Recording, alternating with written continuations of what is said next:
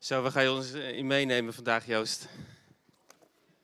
De titel van mijn uh, preek of praatje is uh, Bewogen bewegen. Bewogen bewegen. Ja. Daar is over nagedacht. Absoluut. Nou, voordat je gaat spreken wil ik uh, je graag nog even zegenen. Dus vader, dank u wel voor Joost.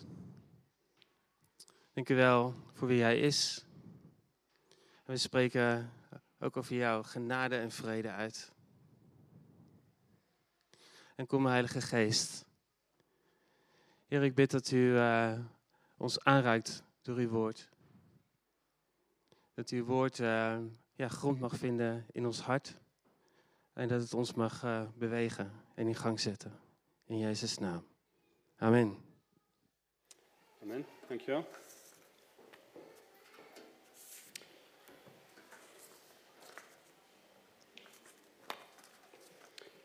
Ja, bewogen, bewegen.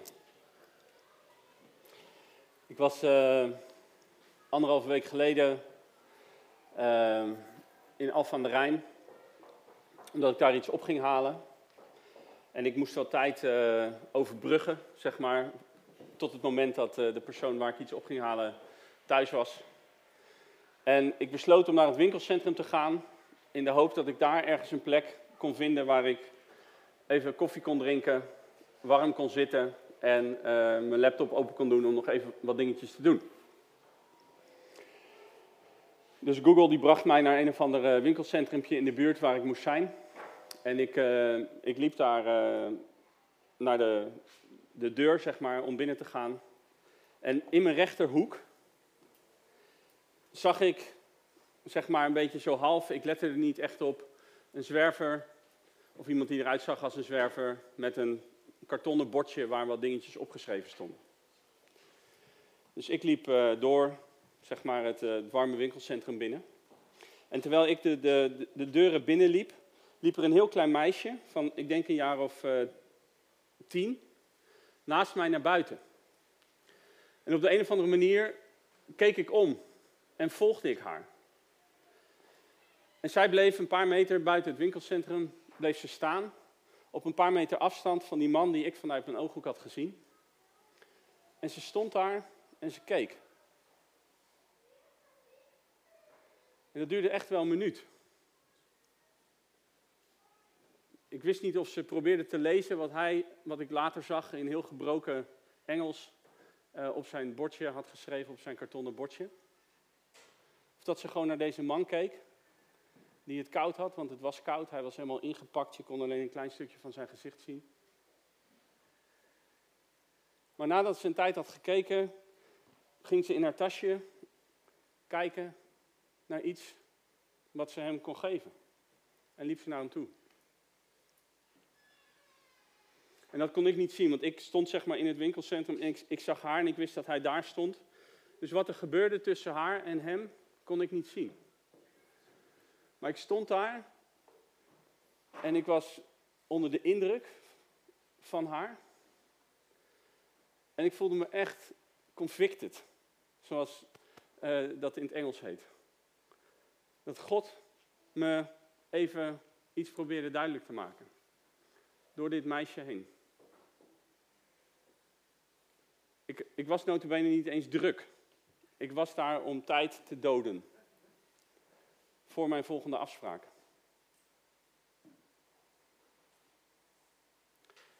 Dus nadat zij weg was gelopen, liep ik naar buiten en ging ik op de plek staan waar zij stond en keek ik naar deze man en probeerde ik te lezen wat er op zijn bordje stond.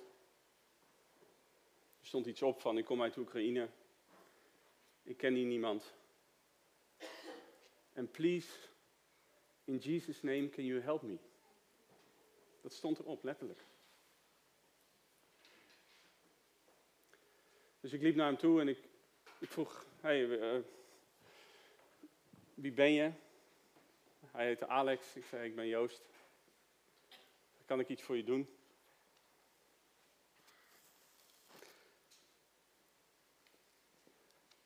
Hij, hij zei, ik zou wel een colaatje lusten. Dus ik ben naar de supermarkt gegaan en ik heb een fles cola voor hem gekocht. Ik had twee briefjes bij me. En ik zat in de supermarkt na te denken met welk briefje zal ik betalen. Zodat ik het andere briefje aan hem kon geven. Het waren niet dezelfde briefjes. Dus ik was een soort van overbewust. Heel irritant is dat. Dat dit niet natuurlijk gaat. Dat dit niet gewoon stroomt. En we hadden nog even een bijzondere ontmoeting. En hij vroeg aan mij. You, ik vroeg aan hem toen ik terugkwam van, hey, uh, in Jesus' name, geloof je in God? Hij zegt, ja, ik geloof in God. Ik zeg, hey, ik geloof ook in God, we zijn broers. Zei hij, are you a charismatic? en ik, ik heb echt een hekel aan labels. Dus wat er gebeurde, omdat ik een hekel heb aan labels, is dat ik het omzeilde. Dat ik er niet echt op inging. Maar ik liep weg. En ik voelde van, hé, hey, waarom bied je nou niet even aan Joost om voor hem te bidden? En later, want ik ben nu, ik, heb, ik had hem beloofd dat ik voor hem zou, zou, zou bidden. Dat heb ik ook gedaan, maar ik, ik durfde niet te vragen of ik ook met hem mocht bidden. Later zat ik erover na te denken van waarom zou hij gevraagd hebben, are you charismatic? En hoe het in mij binnenkomt, omdat ik niet van kerklabels hou, is dat ik daar weg wil blijven. Maar misschien komt hij uit een omgeving waar hij wist dat charismatics iets makkelijker, zich soms iets vrijer voelen om ook met mensen te bidden. En had hij wel behoefte aan gebed. Maar triggerde bij mij iets waardoor ik daar helemaal niet voor open stond en geen ruimte voor had. Dit was anderhalve week geleden. Deze broer heet Alex. Ik probeer af en toe voor hem te bidden. En waar ik hem een fles cola mocht geven en wat geld, heeft hij, maar dat weet hij niet, mij veel meer gezegend. Doordat hij me stil heeft gezet bij iets wat ik zo snel kwijtraak in mijn dagelijks leven. Terwijl het zo essentieel is aan het koninkrijk van God. En aan het hart van onze koning. Ik begin met dit verhaal omdat het me getriggerd heeft, omdat ik opnieuw in een leerproces ben gezet. Uh, en nou, dat heb ik maar even proberen te verdiepen. En daar heb ik dan deze preekbeurt voor misbruikt. Maar ook zodat je weet dat ik hier niet sta omdat ik dit allemaal snap. Maar omdat ik een verlangen heb. En dat als ik hierbij stilsta en ik ben er wat langer mee bezig, dat ik ook merk dat God een verlangen heeft. Afgelopen vrijdag deelde ik dit, dit verhaal, net als dat er wat andere verhalen gedeeld werden in de, de mannengebedsgroep, waar ik een onderdeel van ben. En toen we in lijn hiermee gingen, gingen bidden, door gingen bidden over deze dingen, toen deelde een van de mannen een, een vers uit de Statenvertaling. In Lucas 1, vers 78 kan je dat vinden. En specifiek deze vertaling, die raakte me. Er staat dit. Door de innerlijke bewegingen der barmhartigheid onze Gods met welke ons bezocht heeft de opgang uit de hoogte. In de MBV staat er het volgende. Die had ik er niet bijgeschreven, ik zal hem even opzoeken. Eh, dit is het, uh, het, gedeelte waar uh, Zacharias een profetie uitspreekt over uh, Jezus waarin hij het hart van God, zijn verlangen om te redden, op, op een hele nou, bijzondere manier verwoordt. En daar middenin staat dit vers. Dankzij de liefdevolle barmhartigheid van onze God zal het stralende licht uit de hemel over ons opgaan. Maar in de Statenvertaling staat er dus door de innerlijke bewegingen der barmhartigheid.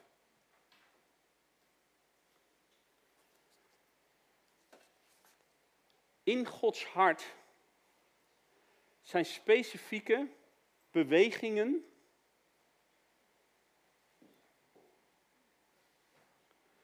die voortkomen uit zijn barmhartigheid.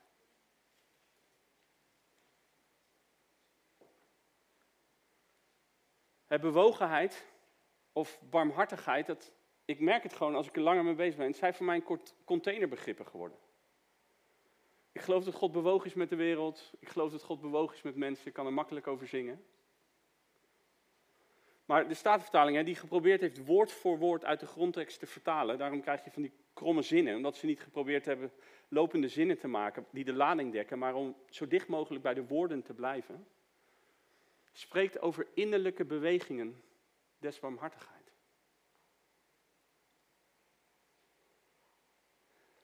Dat meisje,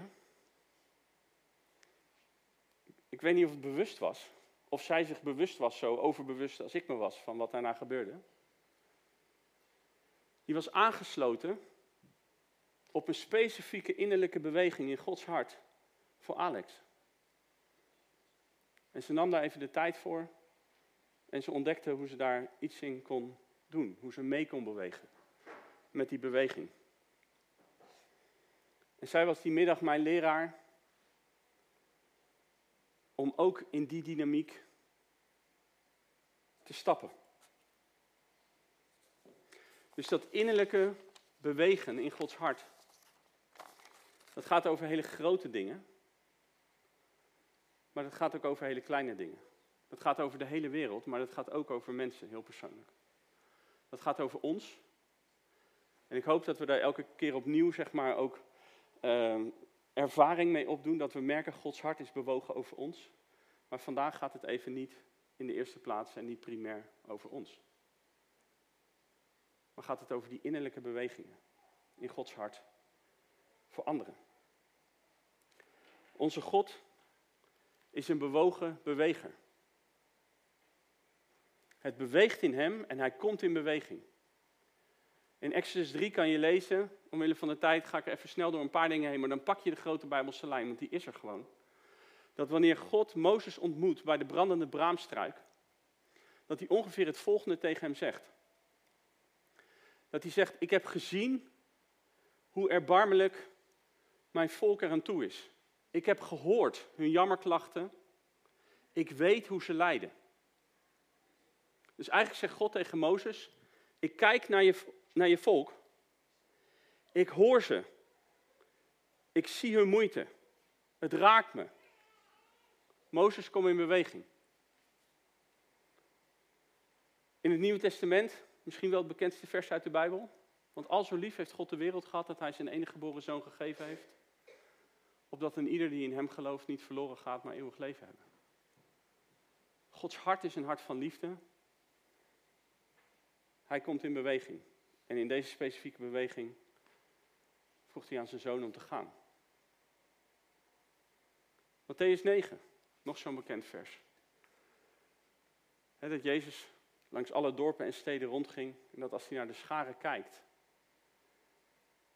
dat er staat dat hij vol ontferming bewogen was. Omdat ze waren als schapen zonder herder, moe en afgemat. Hij keek, onze God is een God die kijkt, die de tijd neemt om te kijken, Zoals dat meisje.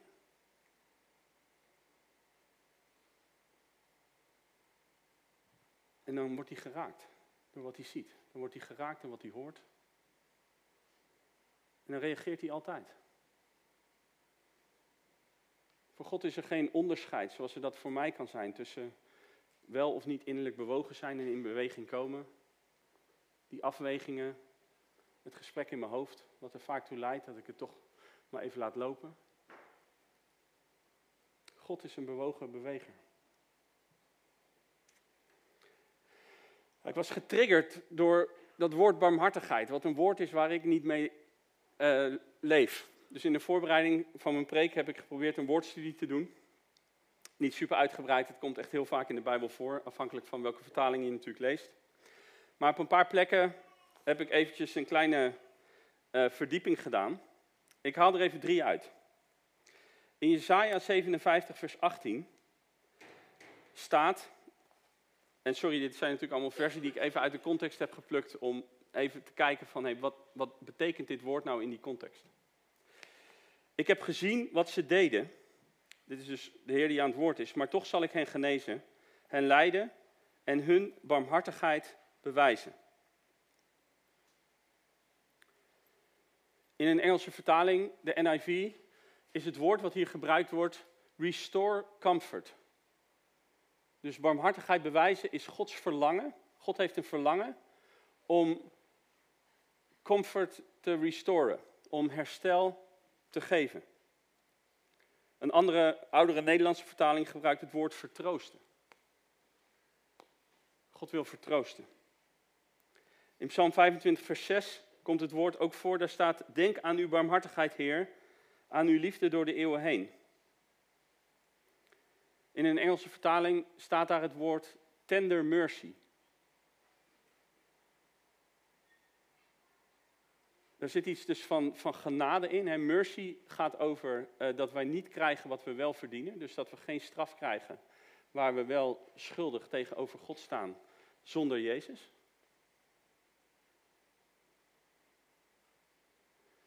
Dat tender, dat raakt weer die hartslaag. Dat dat dus niet iets principieels is voor God, maar dat het dwars door hem heen gaat. Dat hij geraakt wordt. In Matthäus 5, die is natuurlijk voorbijgekomen toen we de bergreden behandelden de afgelopen, voor de kerst. Gelukkig de barmhartigen, want zij zullen barmhartigheid ondervinden. De Bijbel in gewone taal vertaalt dit met gelukkig de barmhartigen. Dat zijn gelukkig mensen die goed zijn voor anderen. Mensen die goed zijn voor anderen. En de belofte is dat zij goedheid zullen ontmoeten. Nou, gedeelte wat ik even wil voorlezen, kort. Matthäus 9. dat is die, nou, de setting staat er eigenlijk al. Toen hij thuis aanlag voor de maaltijd, kwam er ook een groot aantal tollenaars en zondaars die samen met hem en zijn leerlingen aan de maaltijd deelnamen. De fariseeën zagen dit en zeiden tegen zijn leerlingen, waarom eet uw meester met tollenaars en zondaars? Hij hoorde dit en gaf als antwoord: Gezonde mensen hebben geen dokter nodig, maar zieken wel. Overdenk eens goed wat dit wil zeggen. Barmhartigheid wil ik, geen offers. Ik ben niet gekomen om rechtvaardigen te roepen, maar zondaars. Hosea 6, vers 6. Barmhartigheid wil ik, geen offers. Jezus quote het Oude Testament. Een belangrijk vers voor de Joden in die tijd. De Amplified Bijbel, dus een Bijbel die probeert om eigenlijk de verschillende uh, vertalingen die er kunnen zijn vanuit de grondtekst naast elkaar te zetten, zodat je de rijkdom een beetje kan proeven. Die zegt hier over dit laatste. Go and learn what this means. I desire mercy. That is readiness to help those in trouble and not sacrifice. Dus Jezus zegt tegen de mensen die het qua kennis over God en zijn koninkrijk en de geschiedenis van zijn volk en al die dingen hadden moeten weten. Ga en leer. Go and learn. Ik verlang barmhartigheid. En de vertaling is dan readiness to help those in trouble.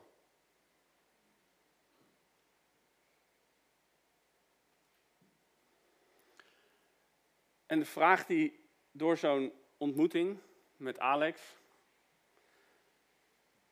door het voorbereiden op deze zondag tot mij komt, is: ben ik in deze school? Ben ik een leerling van datgene wat Jezus hier aan het zeggen is? Go and learn. Ik hoef al die religieuze, een andere vertaling zegt, I'm not looking for religion.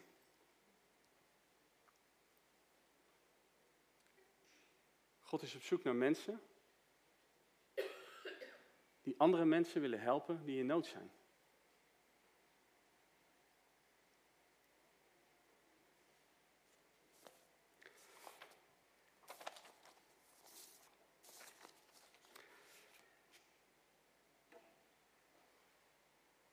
Ik sprak een paar weken geleden met een uh, zus in Nijmegen.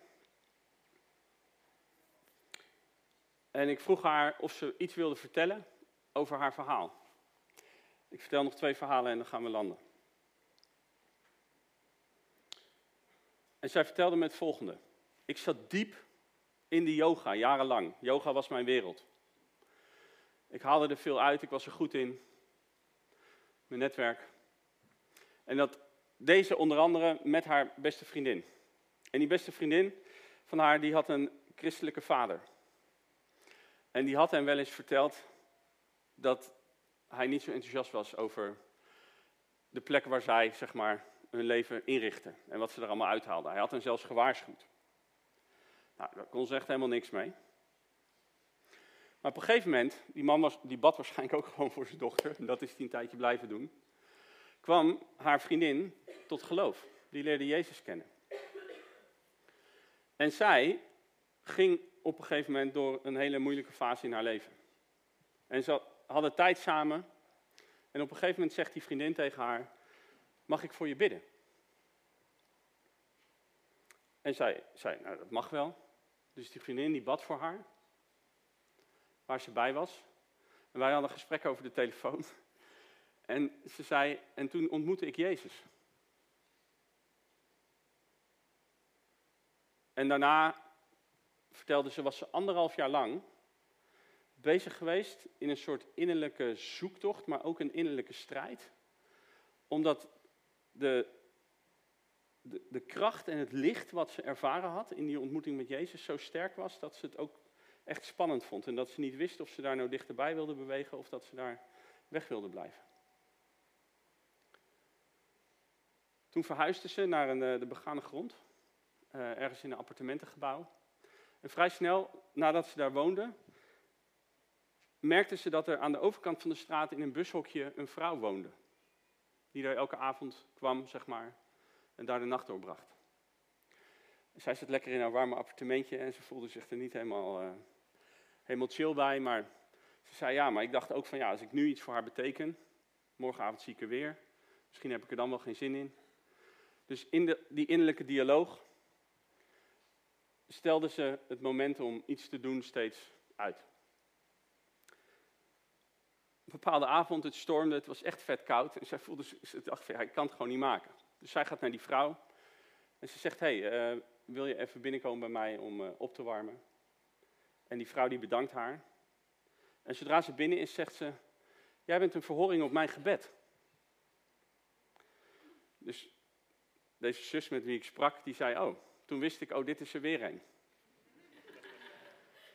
En toen vertelde ze dat in, in een gesprek van anderhalf uur deze vrouw alle vragen die zij had over Jezus en over God beantwoordde.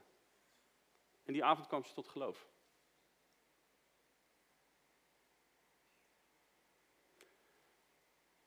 Ik heb echt heel veel vragen door dit verhaal, maar ik, ik laat het gewoon even bij wat ze mij vertelde. Dus ik vroeg aan haar, van hé, hey, je zei net dat je anderhalf jaar geleden, toen die vriendin van jou voor je bad, dat je Jezus ontmoette. Zeg je dat nu, met de kennis van, hè, die je nu hebt over hem, want inmiddels was ze een paar jaar met hem onderweg? Dat je nu weet, oh ja, wat ik toen ervoer, dat is blijkbaar Jezus? Ze zei nee, hij stond naast me. Ik zag hem. Ik zag zijn licht. Ik dacht, joh.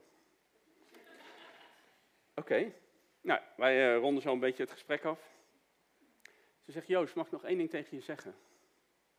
Als je de gelegenheid krijgt om met mensen te bidden, wil je dat altijd doen. we kunnen voor mensen bidden, maar als je de gelegenheid krijgt om met mensen te bidden, wil je dat doen? Want ik weet niet waar ik zou zijn als zij niet de vrijmoedigheid had gehad om mij te vragen, mag ik even met je bidden, een hand op mijn schouder gelegd had. En Jezus kwam tevoorschijn. Het is weer zo'n irritant verhaal. Want de, de, de, vrijblijvendheid gaat een beetje weg. Hè? Dat voel je. denk je, ah kak, ja, gaaf heer, dat wil ik ook. Dank u heer. Maar als het over mij gaat, vind ik het gewoon lastig. Want afgelopen vrijdag was ik aan het bidden met een jonge een jonge broer, zeg maar, of ik was aan het wandelen met hem, sorry. Ik, uh, zondag hadden we natuurlijk de preek gehad over genezing, dus wij lopen door de natuur bij mij in de wijk. En op krukken komt er iemand heel langzaam zo naar ons toe lopen. En die gaat op een gegeven moment vermoeid op een bankje zitten. En ik zag hem. En ik registreerde, zeg maar, niet, eh, niet een heel gesprek in mijn hoofd zoals ik soms kan hebben als ik probeer onder dingen uit te komen. Maar ik, zag het wel. je hebt een soort van kijken en zien, ik weet niet hoe je dat moet zeggen, maar het viel me op. Maar ja, ik liep links door en uh, we zaten te praten over de kracht van God en gebed en allemaal dingen en zo. Dus na een kwartier, echt serieus, ik zeg, gast, sorry, we moeten terug. Ik ben gewoon ongehoorzaam. We liepen net langs een, langs een jongen die op krukken liep en die, die gewoon vermoeid was. Dat kon je zien, omdat het natuurlijk hartstikke zwaar is om op krukken te lopen. En ik heb niet eens even hooi gezegd of gevraagd of ik iets voor hem kon betekenen of gebed aangeboden. Dus wij terug, nou, die jongen was al verdwenen. Gelukkig. Ja jongens, ik ben echt even heel eerlijk. Maar ik heb wel tegen God gezegd, Heer, het spijt me. En u bent niet van de veroordeling en zo, God werkt niet door veroordeling. Maar ik heb wel een kans laten liggen om de liefde van God op de een of andere manier, ik weet niet hoe, naar deze gast te laten stromen. Iets van deze innerlijke bewegingen in Gods hart.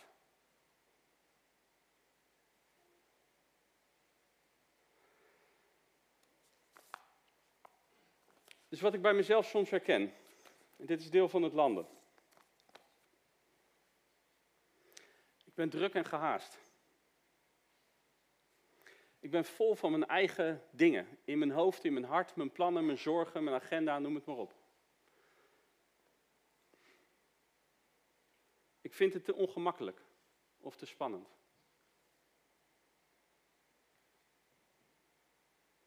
Ik heb al ingevuld wat er wel of niet gaat gebeuren en hoe de ander zal reageren.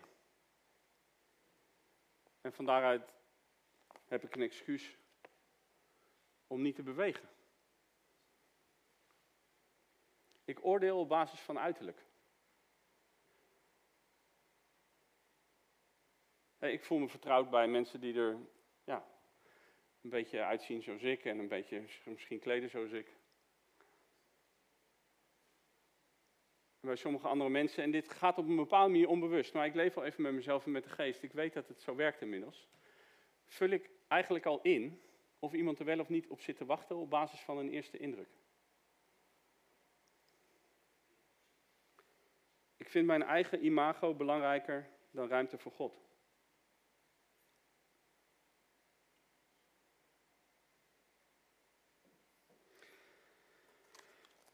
En wat kan meespelen, maar dat zit dan op een soort dieper niveau, is dat ik teleurgesteld ben omdat ik wel eens uitgestapt ben in dingen en het heeft niet zoveel uitgewerkt. Er gebeurde geen wonder. Iemand had niet een ervaring van Jezus stond naast me. En dat heeft alles veranderd. Of iemand gaf misschien aan, hey, ik zit helemaal niet te wachten op datgene wat jij me nu aanbiedt.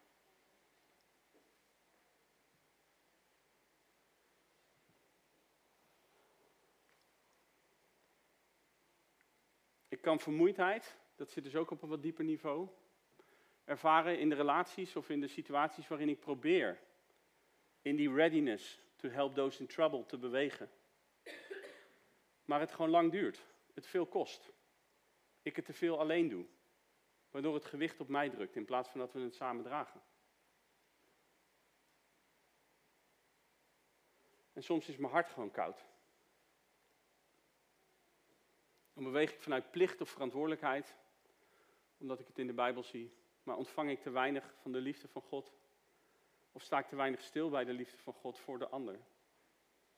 Waardoor het vooral iets principieels wordt. En dat stukje van dat innerlijke bewegen eigenlijk in mij niet beweegt. Wat het ook ingewikkeld maakt.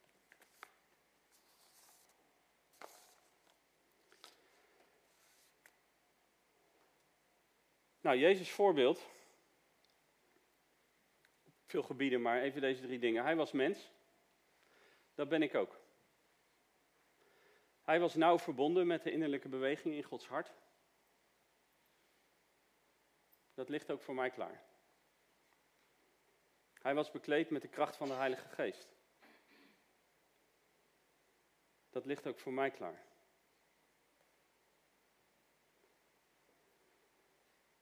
Dus ik sta hier om tegen jullie te zeggen en om jullie mee te nemen. in een uitnodiging van de bewogen beweger.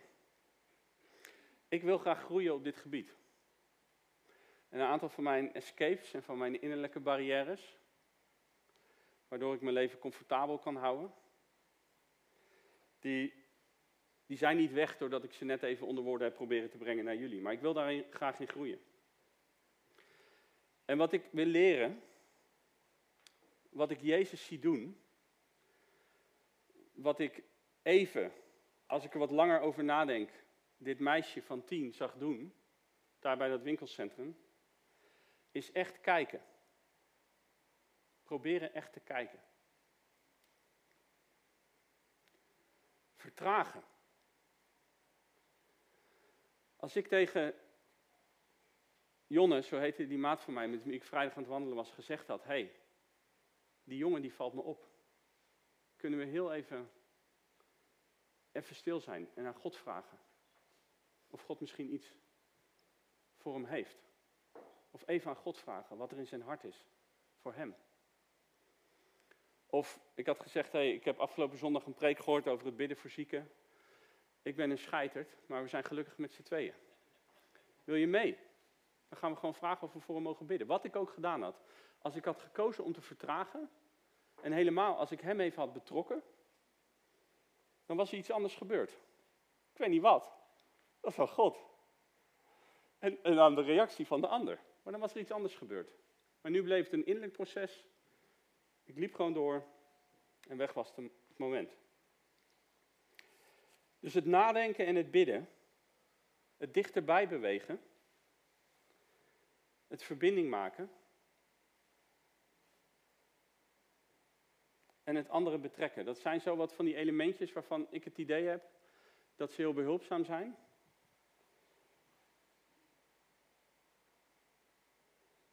En in mijn eigen leven merk ik in ieder geval, ik, ik, ik loop wel even mee, ik heb heel veel preken gehoord over bewogenheid, ik heb er vaak voor gebeden, liederen over gezongen. Maar in de praktijk is het zo dat ik zit te wachten op een gevoel. Dat ik zit te wachten tot ik bewogenheid ervaar. Als een soort aanmoediging van God om in beweging te komen. Maar ik begon pas bewogenheid te ervaren toen ik in gesprek was met Alex. Bij mij werkt het gewoon niet zo dat ik het voel voordat ik de verbinding ervaar met de persoon.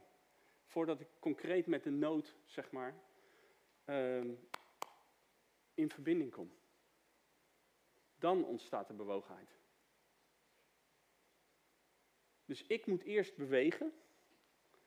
En dan kan God iets doen op het gebied van bewogenheid. Misschien werkt dat voor sommigen van jullie anders. Merk je juist dat die bewogenheid er is en is het van daaruit makkelijker om te bewegen? Of is dit de aanmoediging om het daar niet bij te laten, maar dan ook te bewegen? Maar voor mij werkt het niet zo dat ik iets geestelijks ervaar of dat ik liefde voel. Dat ontstaat pas als ik bereid ben om de ander op te zoeken en er niet aan voorbij te lopen.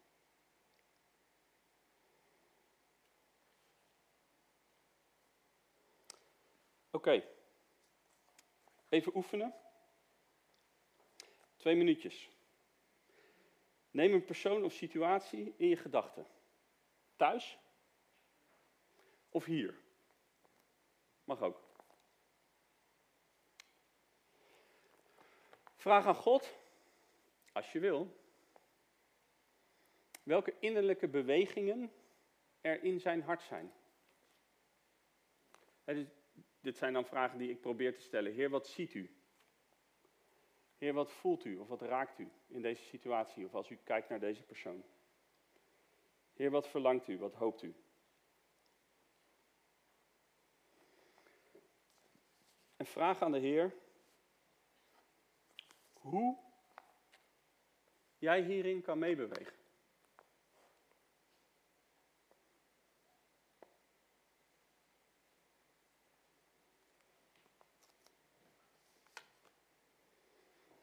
Heilige Geest, ik wil vragen dat u uh, dit oefenmomentje inblaast met de adem van God.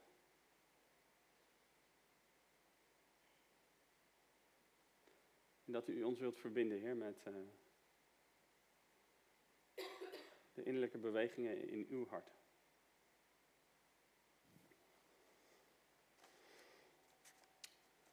Oké, dit is natuurlijk kort.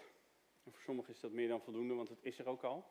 Je leeft dit al, of het is een reminder van iets wat er al door je heen gaat, wat er al door je gedachten is gegaan, als een idee. Voor anderen is het misschien te kort. De persoon of situatie komt wel in beeld, maar om een soort van te verbinden met iets meer van wat er in Gods hart is, of die worsteling in ieder geval die dat voor mij is, om het daarbij te laten. Inspiratie, mooi, Heer, zegen. En mezelf daar aan te verbinden. En te kijken, oké Heer, maar kan ik hier iets in doen? Dat vraagt misschien meer tijd of iets meer uh, stoeien. We waren afgelopen donderdag uit eten met uh, een van onze pleegkinderen die inmiddels volwassen is. En zij vertelde dat een vriendin van haar, die wij ook kennen van vroeger, best wel door een moeilijke tijd gaat. En uh, een paar jaar geleden, zeg maar, was er wat meer verbinding uh, met dit meisje. En uh, is ook wel eens mee geweest hier naar de gemeente. En vond ze heel fijn. Toen we daar op een gegeven moment wat met haar over spraken, zei ze: Ja, vanaf het moment dat ik binnenkwam lopen, ervoer ik gewoon dat ik thuis was. Het was echt een ervaring van, van Gods aanwezigheid hier in haar woorden, want ze, komt helemaal niet uit een kerkelijke iets. En toen is ze gaan studeren en nou, is met andere dingen bezig gegaan. Ik heb nog geprobeerd haar te connecten aan een soort christelijk studentengroepje in de stad waar ze naartoe ging, maar dat, is, uh, dat heeft niet gewerkt. En nu vertelde ze dus dat ze best wel door een moeilijke tijd gaat. En ik dacht, zal ik haar een appje sturen? Met, hey, ik hoorde dat, uh, dat je weer in de buurt woont. En begreep ook, zonder dat er details gedeeld zijn, dat, je dat het niet zo makkelijk is op het moment. Kun je iets voor je betekenen? Specifieker dacht ik, om haar aan te bieden, met, met haar te bidden. Nou, wat er daarna gebeurt is dat ik denk, ja, ik heb haar al een paar jaar niet gesproken, waar slaat dat op? Weet je, weinig verbinding, allemaal dingen. Dus dan ga ik. Uh... Gisteren zat ik in mijn telefoon te kijken en toen zag ik dat de WhatsApp-profiel veranderd is. Toen dacht ik uh... dat ze misschien een ander nummer heeft. Maar ja, ik ken iemand die haar nummer heeft. Dus in mij is dit nu gaande. En in de voorbereiding van mijn preek dacht ik, ik moet het gewoon zeggen hier. Want er zitten hier een paar buddies van mij en die gaan me vrijdag vragen, Joost. En dit heb ik nodig, want anders dan verdwijnt het in de drukte of om andere redenen die misschien niet zo heel heilzaam zijn. Ik weet niet hoe jouw praktijk eruit ziet, maar dit is mijn praktijk. Het is gewoon een gedachte. En als die wat spannender is, zeg maar, dan, nou, dan ga ik er een beetje over nadenken. En dan bestaat dus het risico dat hij vervliegt. Terwijl zelfs de vraag, Heer, is dit van u? Misschien wel een hele domme vraag is. Want gewoon een appje sturen van, hé, hey, ik hoorde iets over je, ik denk aan je, kan ik iets voor je betekenen? En dan alleen dat mag ik voor je bidden, dat is misschien, moet ik echt even, even over bidden, of dat goed is om te doen. Maar de rest is, is, hoeft de Heer mij niet over te spreken. Het is gewoon goed om te doen. Readiness. To help those in trouble.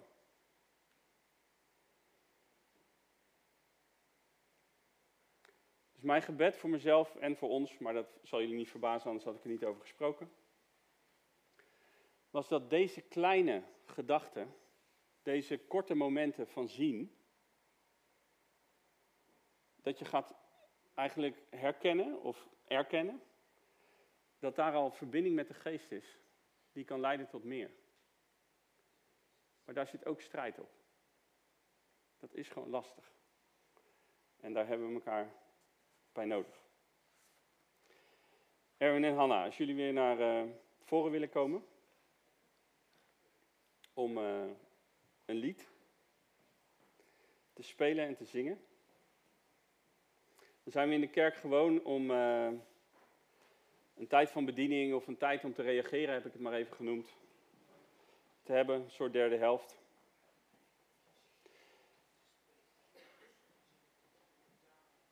Een paar dingen waar ik aan dacht vanuit het onderwijs. Bram, jij mag ook uh, komen. Kan jij iemand deelgenoot maken van datgene wat er net in de oefening gebeurde, die twee minuten? Zoals ik jullie even deelgenoot gemaakt heb van wat er in mij gebeurde rondom dit meisje, die ik komende week, als het goed is, een appje ga sturen. Kan je daar misschien samen even voor bidden? Als er verlangen in je hart is wakker gemaakt, om weer opnieuw of, of dieper in deze stroom van God mee te bewegen, mee te bewegen met deze bewogen beweger. Verbinding met zijn hart daarin, maar ook de bekrachtiging van de Heilige Geest daarin. Mogen we je daarin zegenen? En als je merkt dat je belemmerd wordt, waar dat dan ook precies mee te maken heeft, zoals er vele dingen zijn die mij hierin belemmeren, mogen we daarin met je naar God. Zodat hij je daarin kan ontmoeten en een stuk nieuwe vrijheid kan geven. Het kan op je plek met de mensen naast je, dat doen we ook wel hier beneden. Uh, dan komen de mensen naar je toe om voor je te bidden. Wat voor jou het beste past. We luisteren naar het lied, je mag meezingen, maar het lied is eigenlijk bedoeld om even na een veelheid van woorden van mijn kant even te verbinden met datgene wat er in je gebeurt. Wat God daarin misschien doet. En te kijken wat je daarmee wil.